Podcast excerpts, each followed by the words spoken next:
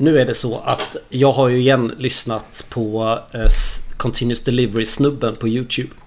Som för någon månad, några veckor sedan släppte avsnitt om Rockstar Developers. Eh, och ska jag vara självkritisk har jag några år, lite för många år, ifrågasätts, oifrågasatt sätts som bäst på uppdraget. Vilken tanktwister det var. Jag inser att jag haft en attityd av att det är alltid jag som kan och gör bäst. Jag såg mig lite som en rockstjärna på kontoret där jag var. Detta yttrar sig på olika sätt. Jag älskade att fatta stora beslut utan att diskutera med andra. Vilket ledde till att vi fick någonting som passade mig helt perfekt. Och genomsnittsutvecklaren väldigt dåligt.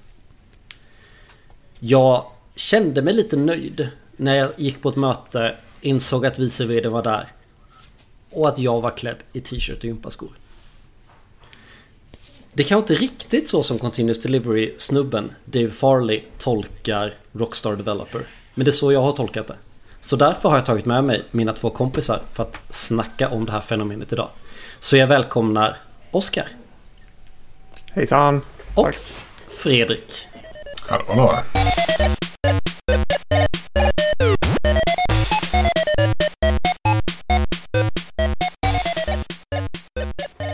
Så jag öppnar lite enkelt då.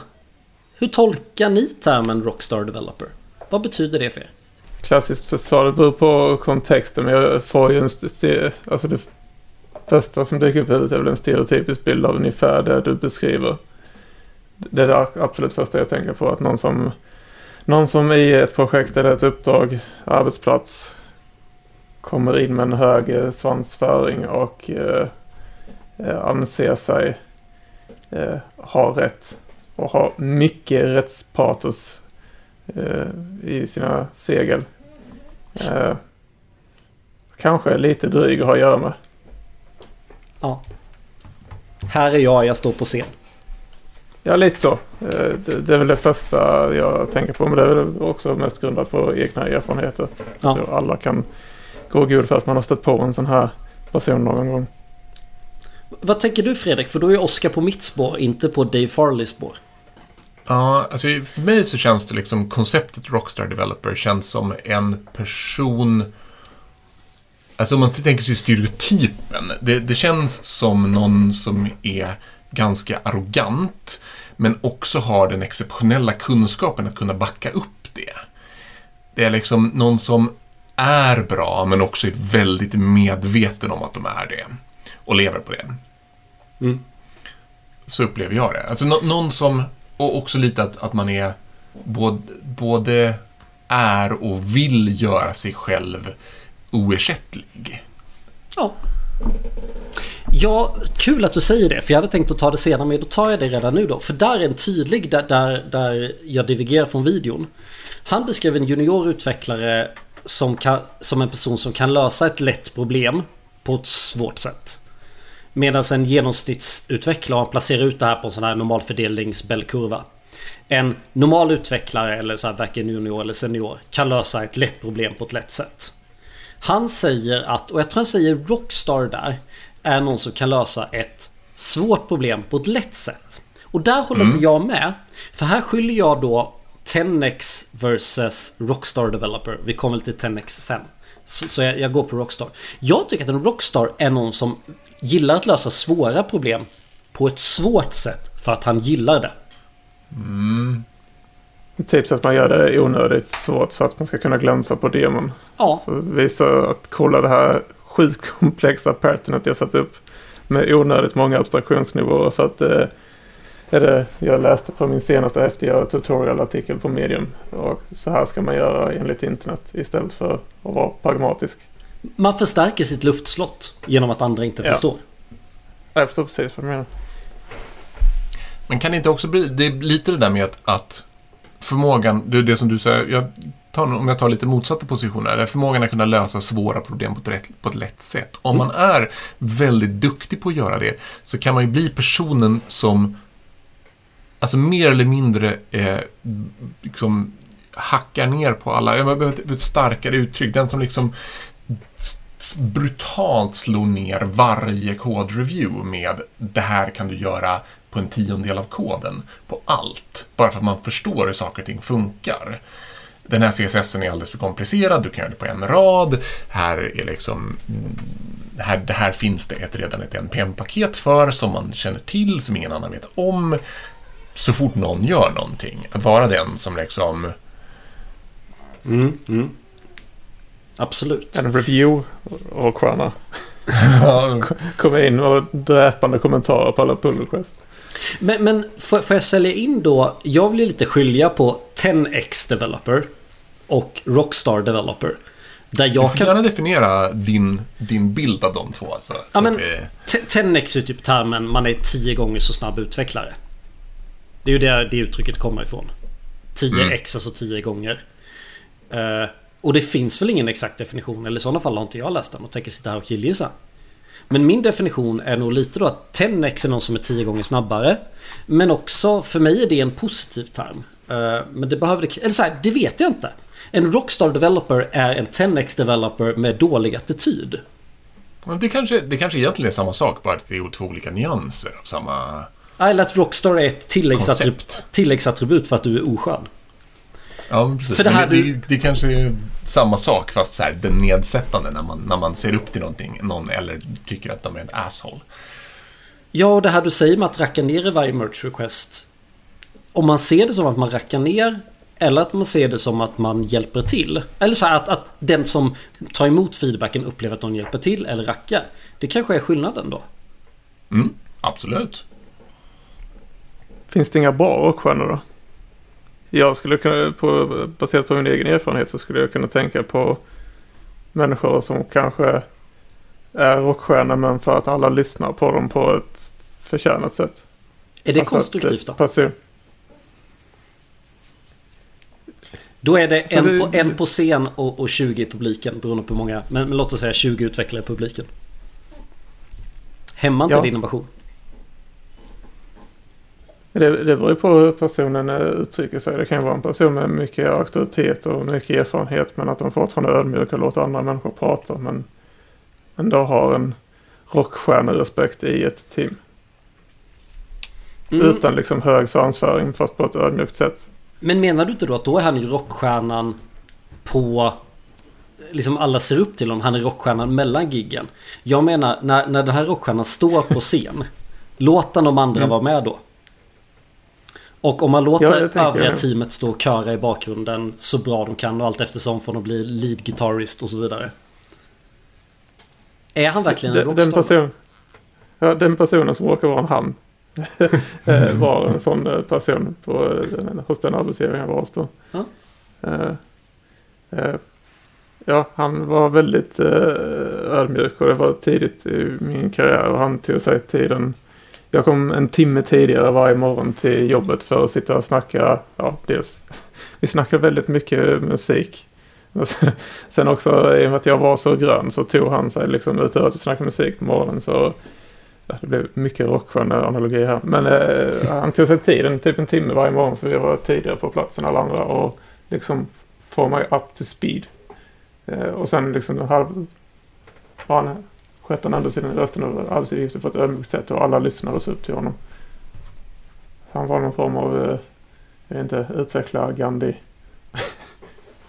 Någon ledstjärna av något slag. Ja, alltså jag, jag vill ändå, det fin, jag tror det finns, eh, de är nog mer sällsamma, men det finns nog rockstjärnor som inte bara är negativ.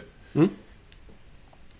Så att man inte bara eh, svärtar ner begreppet rockstjärneutvecklare till 100%. Men om vi väljer att acceptera din liksom lite positiva, eller använd vilken term du vill. Men, men låt, låt oss gå vidare med den här positiva stämpeln på... Ja, låt oss ta din han som var din guru. Ja, Är det bra för organisationen?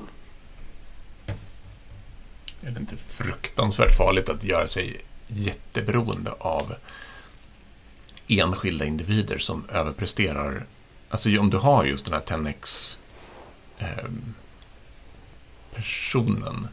Alltså du, om du, du kan få ett team som består av, av tio personer där en person gör 90% av arbetet eller vad, vad det nu blir. Liksom.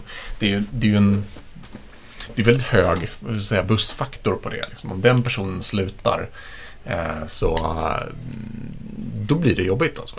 Alltså bussfaktor Det som blir påkörd. Ja, men precis. Ja. Ha- Han slutade och ja, det sög.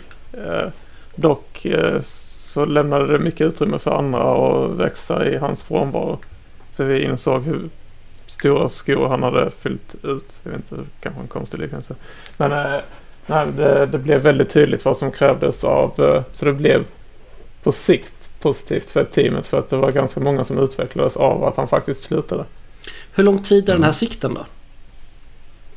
Ja, det Så- var nog, jag ska säga Hur långt är ett halvår. Alltså, ja, ganska långt. Alltså det tog ett halvår kanske innan vi hade täckt allt liksom kompetensmässigt. Men även om inte vi alltid är Rockstars eller 10x på vårt uppdrag. Så är det ju ganska ofta vi lämnar ett uppdrag. Hur ser vi till Mm. att inte lämna gapet efter oss då? Det är väl att man har en bättre strategi på bussfaktorn. Alltså att man kör Mm. bättre kunskapsspridning. Det hade inte, var, vi var ju bara dåliga på kunskapsspridning och lutade oss på att äh, den här personen var fantastisk. Men det, det var ju lika mycket vårt fel som att han slutade. Alltså man hade ju kunnat anstränga sig lite och lägga mer tid på att Ja, att vi inte blev så nakna när han slutade kunskapsmässigt. Gud vad spännande. För nu har du då precis sagt att här är ett exempel på den positiva rockstaren. Men eftersom att det var en Mm. kanske inte positiv organisation så fick den här hårda smällen i vilket fall. Ja, Absolut. Mm. Vi har haft, jag har haft en liknande situation tidigare också där vi hade en nu, vad ska man säga, arkitekt slash utvecklare som, som verkligen stod för hela idén och engagemanget bakom hur systemet skulle fungera. Alla andra var inne och gjorde puckar och ändrade på saker, men det fanns en person som hade liksom en idé om hur det här funkar och vart det ska ta vägen. Och sen till slut så, så slutade han. Eh, och, och- då blev det liksom, det, det blev som att i ett slag så övergick projektet från att vara eh, ett, ett aktivt utvecklande eh, en aktivt utvecklande kodbas som, som var liksom på väg någonstans till att bli legacy i och med att han slutade därför att det inte längre gick att, att driva visionen framåt för att det var ingen som hade översikt över det liksom, på det sättet. Och, och det kanske inte påverkade jättemycket sådär dagligt. Det tuffade på som vanligt. Men man märkte att ja, men det var, nu var det svårt att ta initiativ på så här, vi borde ta och göra om de här sakerna och refaktorera grejer för att ta oss någonstans.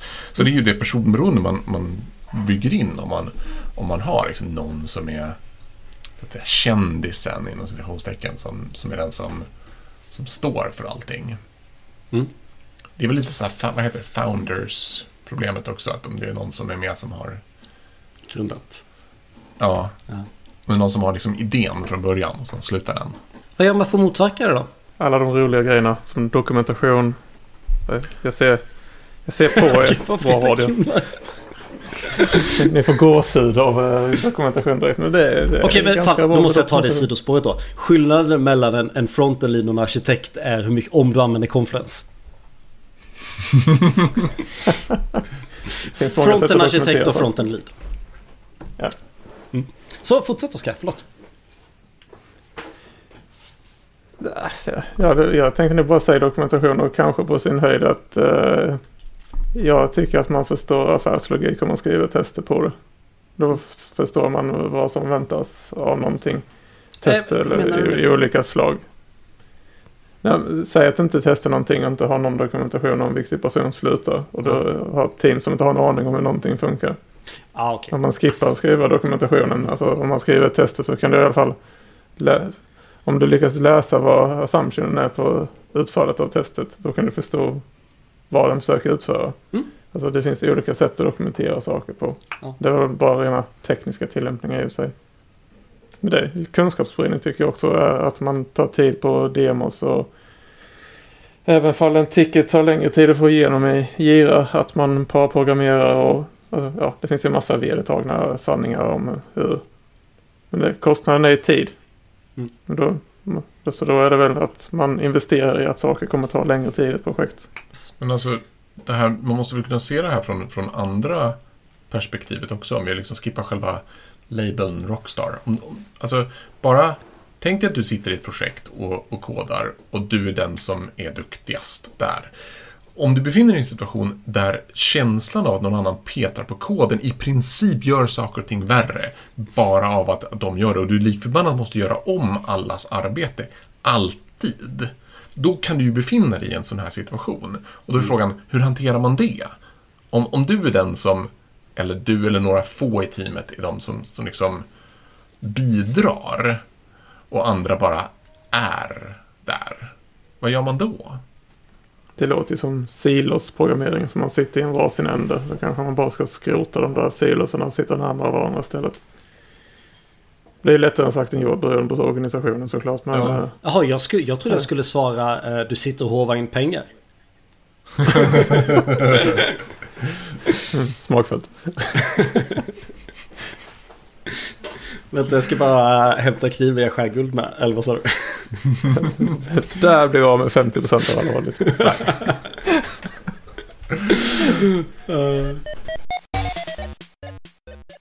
Det är ju sjukt svårt om man, liksom, om man hamnar i den situationen av att man känner att andra liksom inte... Och det, sjuka är att jag tror att man alla båda har varit i båda situationerna. Det är, det är som att, att det är så här, jag, jag fattar inte vad det här gör för någon har satt en konstig vision någonstans i tiden som man inte lyckas tränga in i än. Eller att, att deras idé är så annorlunda så att man inte liksom vill tränga in i den. Å samma sida, om man själv varit med och satt idén, ja men då blir det jobbigt för andra att tränga in. Så det kan ju vara lite så kontextberoende av hur väl den här kodbasen passar min hjärna, huruvida jag blir en rockstar eller huruvida jag sitter som en, ett, liksom ett, ja, en följare på sidan som, som bara gör, gör det man blir åtsagd. Men.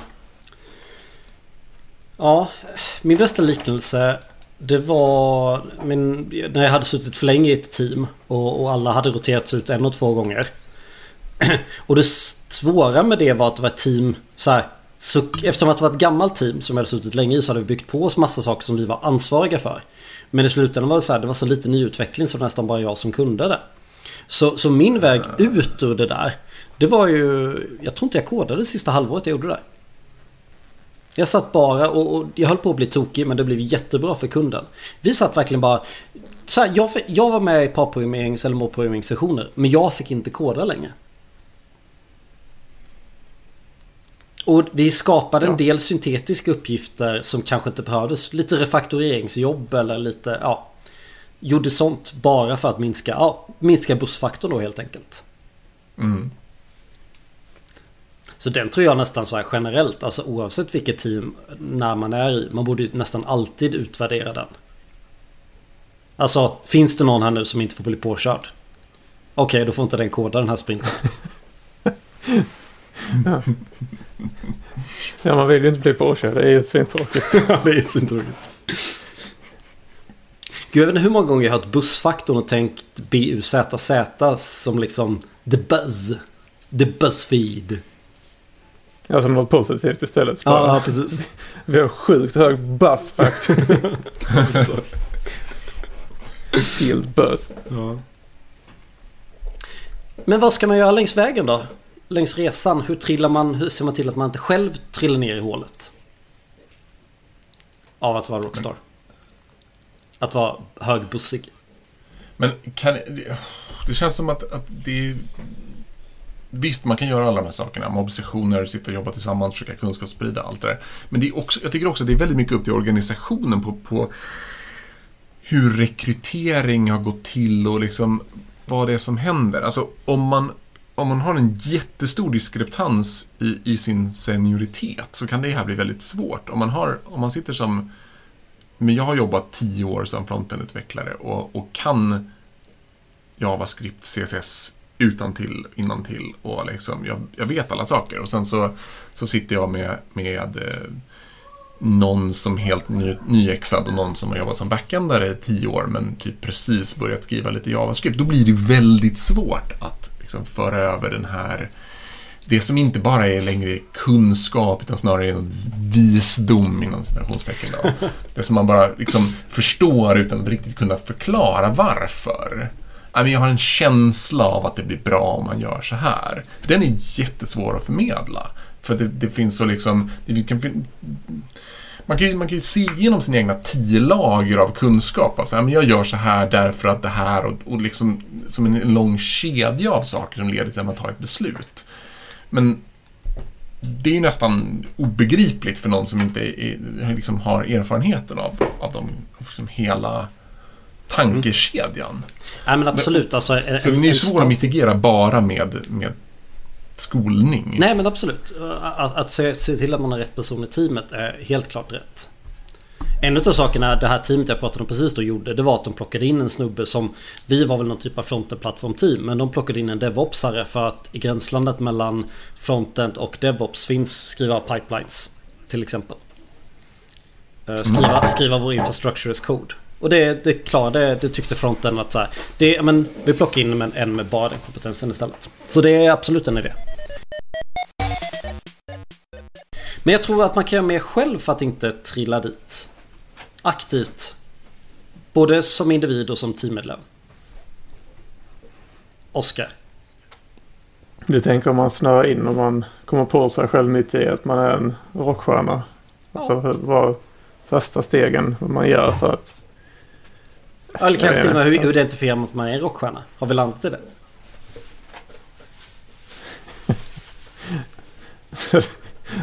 Ett, man måste ha sjuk självinsikt. Som kommer väldigt plötsligt. Man hade inte den innan. Så en dag så började du ta din medicin och då var oj jäklar vad Eller så började man lyssna på en podcast som pratade om Rockstar Developers. Det var så det bara. Ja det kan ju vara. Wow, det är ju jag. så antingen medicin eller vår podcast. Nej. Mm. Men äh, hur man ska identifiera att man är det, det är svårt. Det, det, jag, jag, tror man måste ha en psykolog som utvärderar oss i sådana fall. Men, Men men Lösningen kan ju inte vara att man tar sin metaforiska programmerarmedicin och sen skriver tråkigare kod som följer mönstren. Liksom. Det, det, visst, det kanske låter bra, men det, det känns ju fruktansvärt tråkigt att inte ständigt försöka pusha sina gränser och göra så bra saker som möjligt. Att liksom lyckas med det där att, att göra svåra saker enkelt. Både mm. så man kan förklara det för andra men också att lösningar blir liksom snygga och lättlästa för framtiden. Men där får du ju skilja på din egen liksom, innovation och teamets innovation. Och oftast så lägger de tillsammans men inte alltid. Vad är bäst för dig och vad är bäst för teamet? Jag var på väg att säga ungefär samma sak. Det är ju rätt segt om, man, om all tid går ut på att, att lyfta andra och ingen tid går ut på att utveckla sig själv. Det finns så, faktiskt så, människor som gillar gillar det.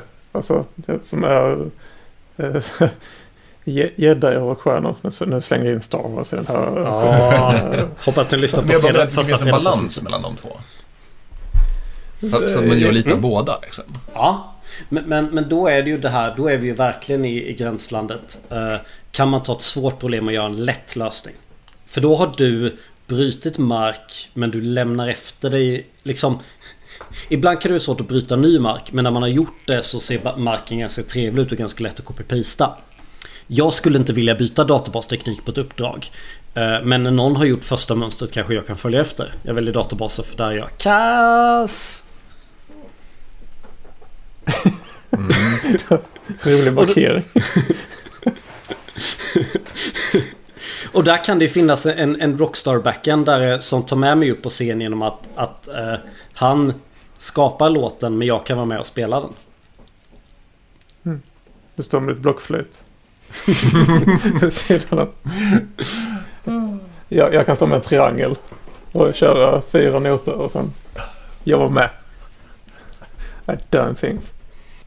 Det, det, alltså, vi pratade innan också om liksom vad, alltså, någonstans måste organisationerna stå bakom också. Jag tror att det finns bra mönster. Jag kommer tänka på ett bra mönster. För om man lämnar allt till individen. Visst, det kan bli bra om man liksom har, om man har lyckats få rätt nummer på tärningarna och eh, liksom man får ett väldigt bra team som lyckas lösa det själv. Men det finns organisationer som eh, faktiskt har lite saker för att lösa det. Axis, antingen har de fortfarande eller så har de men de har någonting som kallas ett... Man kan klättra på en intern stege hos dem. Jag har en kollega, gammal kollega som har jobbat där som har klättrat i den här stegen. Och de kallar det för ett mentorsprogram. Så först måste du visa dig värdig genom att vara lojal mot Axis tror jag kriterien var ett par år. Och så måste du liksom, jag, jag vet inte riktigt vad kriterierna är men du måste, en av kriterierna var i alla fall att du eh, måste jobba på Axis ett par år. Och då om du är en, ja, en resurs som de vill satsa på så kan du bli erbjuden en mentorsroll. Så då finns det liksom i organisationen Mm. Dels det, de vinner ju på det. För att eh, i andra änden så finns det en kanske större klump pengar för personen som får mentorsroll och så knyter de an kunskap i företaget. Men också så ändras arbetsuppgifterna fundamentalt för den här personen. Så man ägnar mer tid åt att sitta i pull request och coacha, eller pull requests och coacha folk istället. Men då måste man ju ha en liten fallenhet för den här mentorsrollen också. Men det tror jag är ett smart sätt. Liksom att organisationer faktiskt erbjuder ramverk för att eh, behålla sådana här personer. Mm. För de skulle kunna vara en, någon form av rockstjärna liksom. Men att de kanske slutar som du beskrev också. Som du har gjort Mattias. Att ett halvår och inte skrev så mycket kod. För den här personen slutade inte till 100% skriva kod. Men han skrev väldigt mycket mindre på features än som han gjorde innan. Och han trivdes jättebra med det här och tyckte det var jättekul och utvecklande. Minns du hur frustrerad jag var? För det var ju när jag Ja, körde ju det var- 50% i det teamet och 50% i ditt team. Ja. Men det blev Du kanske inte skulle hoppat på mentorsprogrammet. Nej, nej. Men då har jag en, en sista anfallsvinkel på den här. In, infall, anfallsvinkel. Infallsvinkel menar jag. Eh, för jag ska ju börja axla en Scrum Master-roll på några procent nu i mitt nya uppdrag. Eh, så jag vill ju ha fram verktyg för jag har fått känslan av att teamet kanske har lite sådana, jag, jag vet inte än, men jag har en känsla av att teamet kanske har lite sådana här hög bussfaktor för man gör vassen sak. Mm. Ja, men den är ganska vanlig. Det är att, att man skapar sina egna silos. Är Ja. väl... Vad, vad gillar ni? Har ni någon gång fått köra något verktyg för att eliminera eller i vilket fall, i vilket fall synliggöra? Steg ett är ju att synliggöra.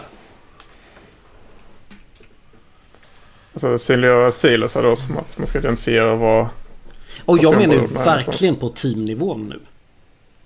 Till och med på ett team med ett par utvecklare. För det enda jag Mm. kan komma att tänka på som jag redan bestämde för att jag vill köra. Är någon typ eller så här, jag ska ju se att min teori, alltså jag, jag, jag baserar det här på en intervju hur de snackade. Så jag vet ju inte riktigt. Men om det stämmer. Någon typ av liksom att man får kryssa i, ja men ni måste ut någon sån, man, man kör en inventering av vad man kan och så får man kryssa Jag kan det här 01 eller 2. Och både köra teknik men också köra systemdelar. Eller vad man känner att man kan ha liksom buss inom. Det finns ju den Sailboat Exercise som är en sån uh, uh, agil teamwork eller Är inte det en retrospektiv det? övning? Ja, ja. Och Sen, men i den beroende på hur man väljer att lägga upp den. Jag har kört den några gånger när Ja. jag varit eh, ny i team.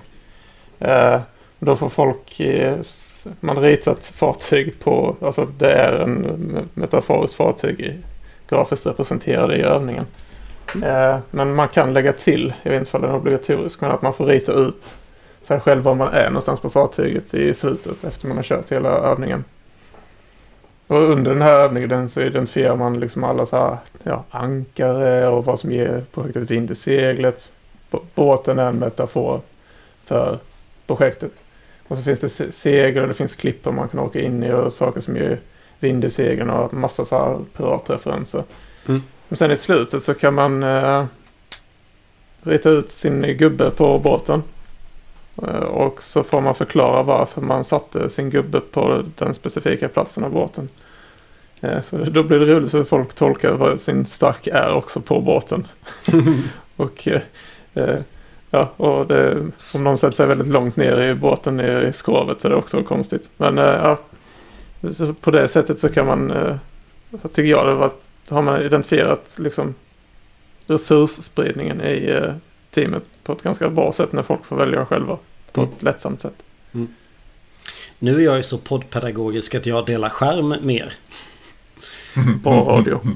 Bra. Eh, Yes. För det jag har funderat på det, det är någonstans liksom typ det ni ser här. Fast det röda och det gröna är liksom helt enkelt man skickar en enkät. Vad kan du 1, 2, 3? Och sen får man analysera vissa områden.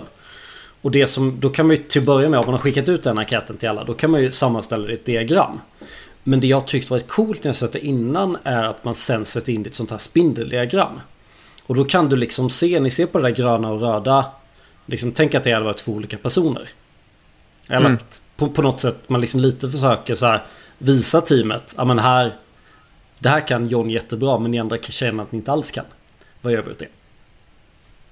Men det här är ju en jättesvår fråga rent praktiskt också. Det är så här, jaha, vi har konstaterat att du kan lite backend men mycket frontend. Hur utnyttjar vi det? Alltså vad, vad, vad, vad, ska vi göra med det här rent praktiskt? Liksom? Det, är, det är ju det är inte trivialt att bara säga så här, "Ja, men då tar du en puck en gång var tionde gång så tar du en uppgift. Liksom. Varför inte? Det låter ju Ja, jättetrivialt och härligt. Det beror ju helt på hur, hur hög tröskeln är för att komma igång med någonting. Plus hur mycket... Ju högre Alltså- ju viktigare. Absolut. Men, men du har ju ofta en... en alltså, den här rockstar-mentaliteten. När, när någon eller några blir liksom super-mega-experter på ett visst område uppskattas ju oftast av organisationen för att man vill bara få saker gjort. Och är det att bra eller inte? liksom, det är inte alls bra. Nej, det är ju jättedestruktivt.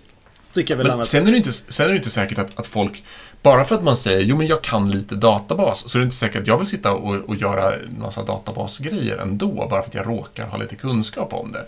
Det, det finns ju, det kan ju bli såna lite, lite bakvända incitament där folk döljer att de kan någonting därför att de egentligen har velat sluta arbeta med det. Säg att du har jobbat fem år som, som backend-utvecklare och nu vill du jobba som frontend-utvecklare. Om du då vet att om du talar om för din organisation att du egentligen är ganska duktig på backend-kod i Java, men du vill därifrån. Jaha, men då får du de uppgifterna ändå. Det, det kan bli lite... Men då lägger jag till här mitt formulär. Jag ska inte fråga hur bra du kan det. Utan fråga hur bra kan du och vill fortsätta jobba med? Ja, CSS sätter man noll på. Jag har försökt fly CSS i flera år men det går inte. Och därför håller du på med någon JSS i React. Mm. Mm. Fast det blir ändå CSS. ja. Man måste kunna CSS-regler. Vad säger ni? Kan vi det nu?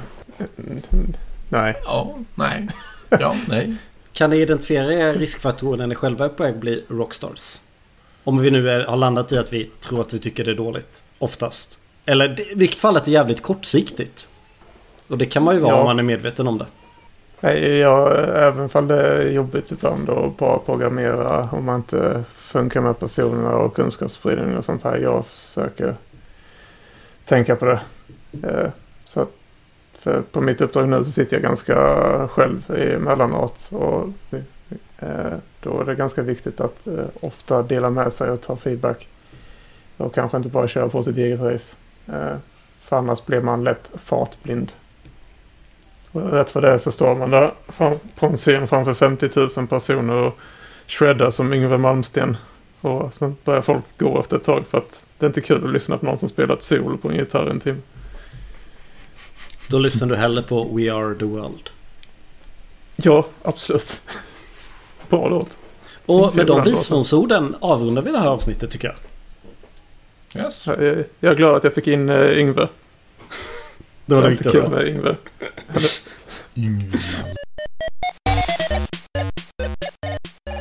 Men då har vi kommit fram till veckans viktigaste punkt. Veckans tips! Ja, jag, jag kan börja. Jag tänkte ut. Jag, jag satt och tänkte på det innan för jag brukar oftast glömma bort den här delen. Den, den är helt orelaterad till kol och våra barn. Och det tycker jag att det får vara. Det får du ha. Absolut. Jag gissar på att det är många andra som har varit eh, li- lika dumma som jag och skaffat en hund under pandemin. och jag, eh, jag har länge letat efter att ge min hund en metaforisk eh, iPad som inte innebär att jag ger min hund väldigt många kalorier. Men jag har hittat hacket nu som håller honom sysselsatt väldigt länge. Jag har, jag har en konstig rund boll som är väldigt tuggsäker med ett hål i. Uh, och jag fyller insidan på den med ganska lite leverpastej. Den sysselsatte honom i 45 minuter igår. Jag bara tog leverpastej, tryckte in lite leverpastej, la dem på golvet, sa varsågod. Och sen så fick jag sitta och spela datorspel i 45 minuter utan att han uh, tyckte det var drygt. Så lifehack. För, för alla andra där ute som har jobbiga hundar som blir lite vansinne på kvällarna. Köp, köp lite leverpastej och en konstig röd boll.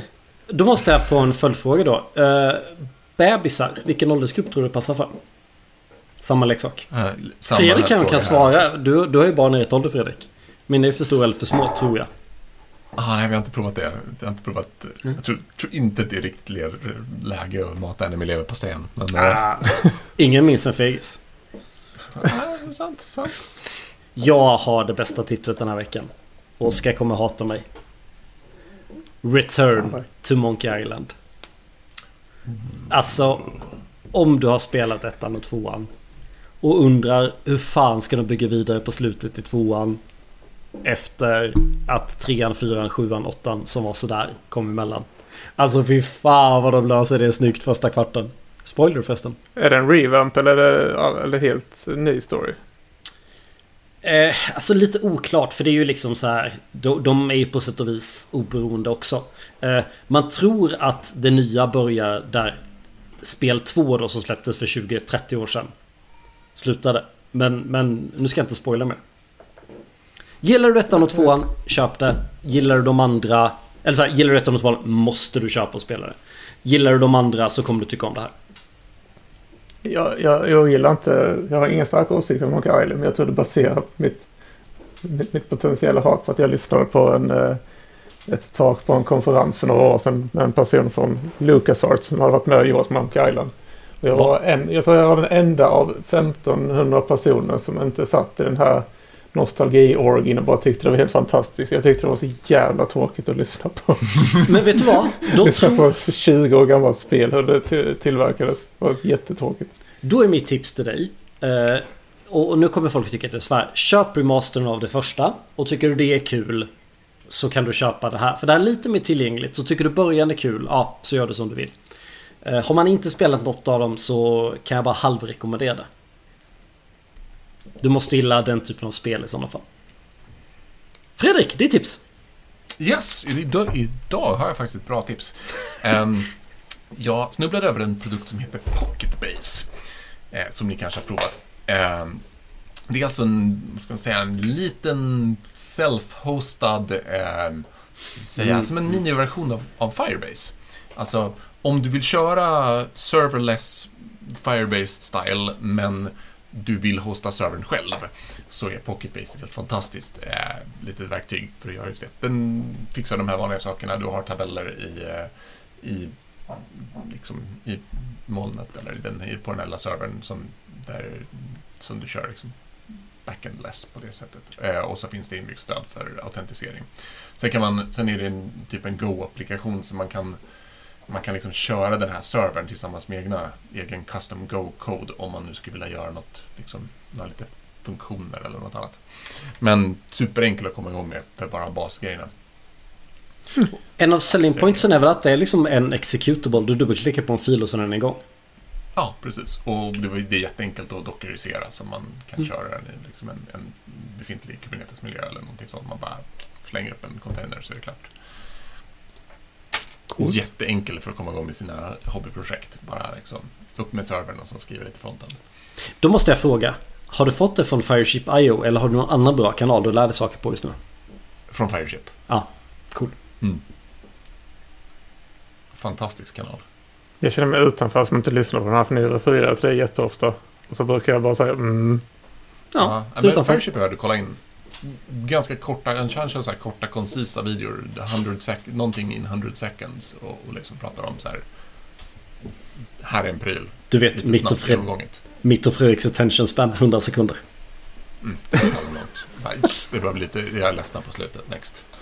Ja, ja, men eh, då kan vi där. Tack så mycket alla som har lyssnat och vi hörs i ett senare avsnitt. Och ett nytt fredagsavsnitt kanske på fredag. Så ha det bra allihopa. Hej då! Hej då! you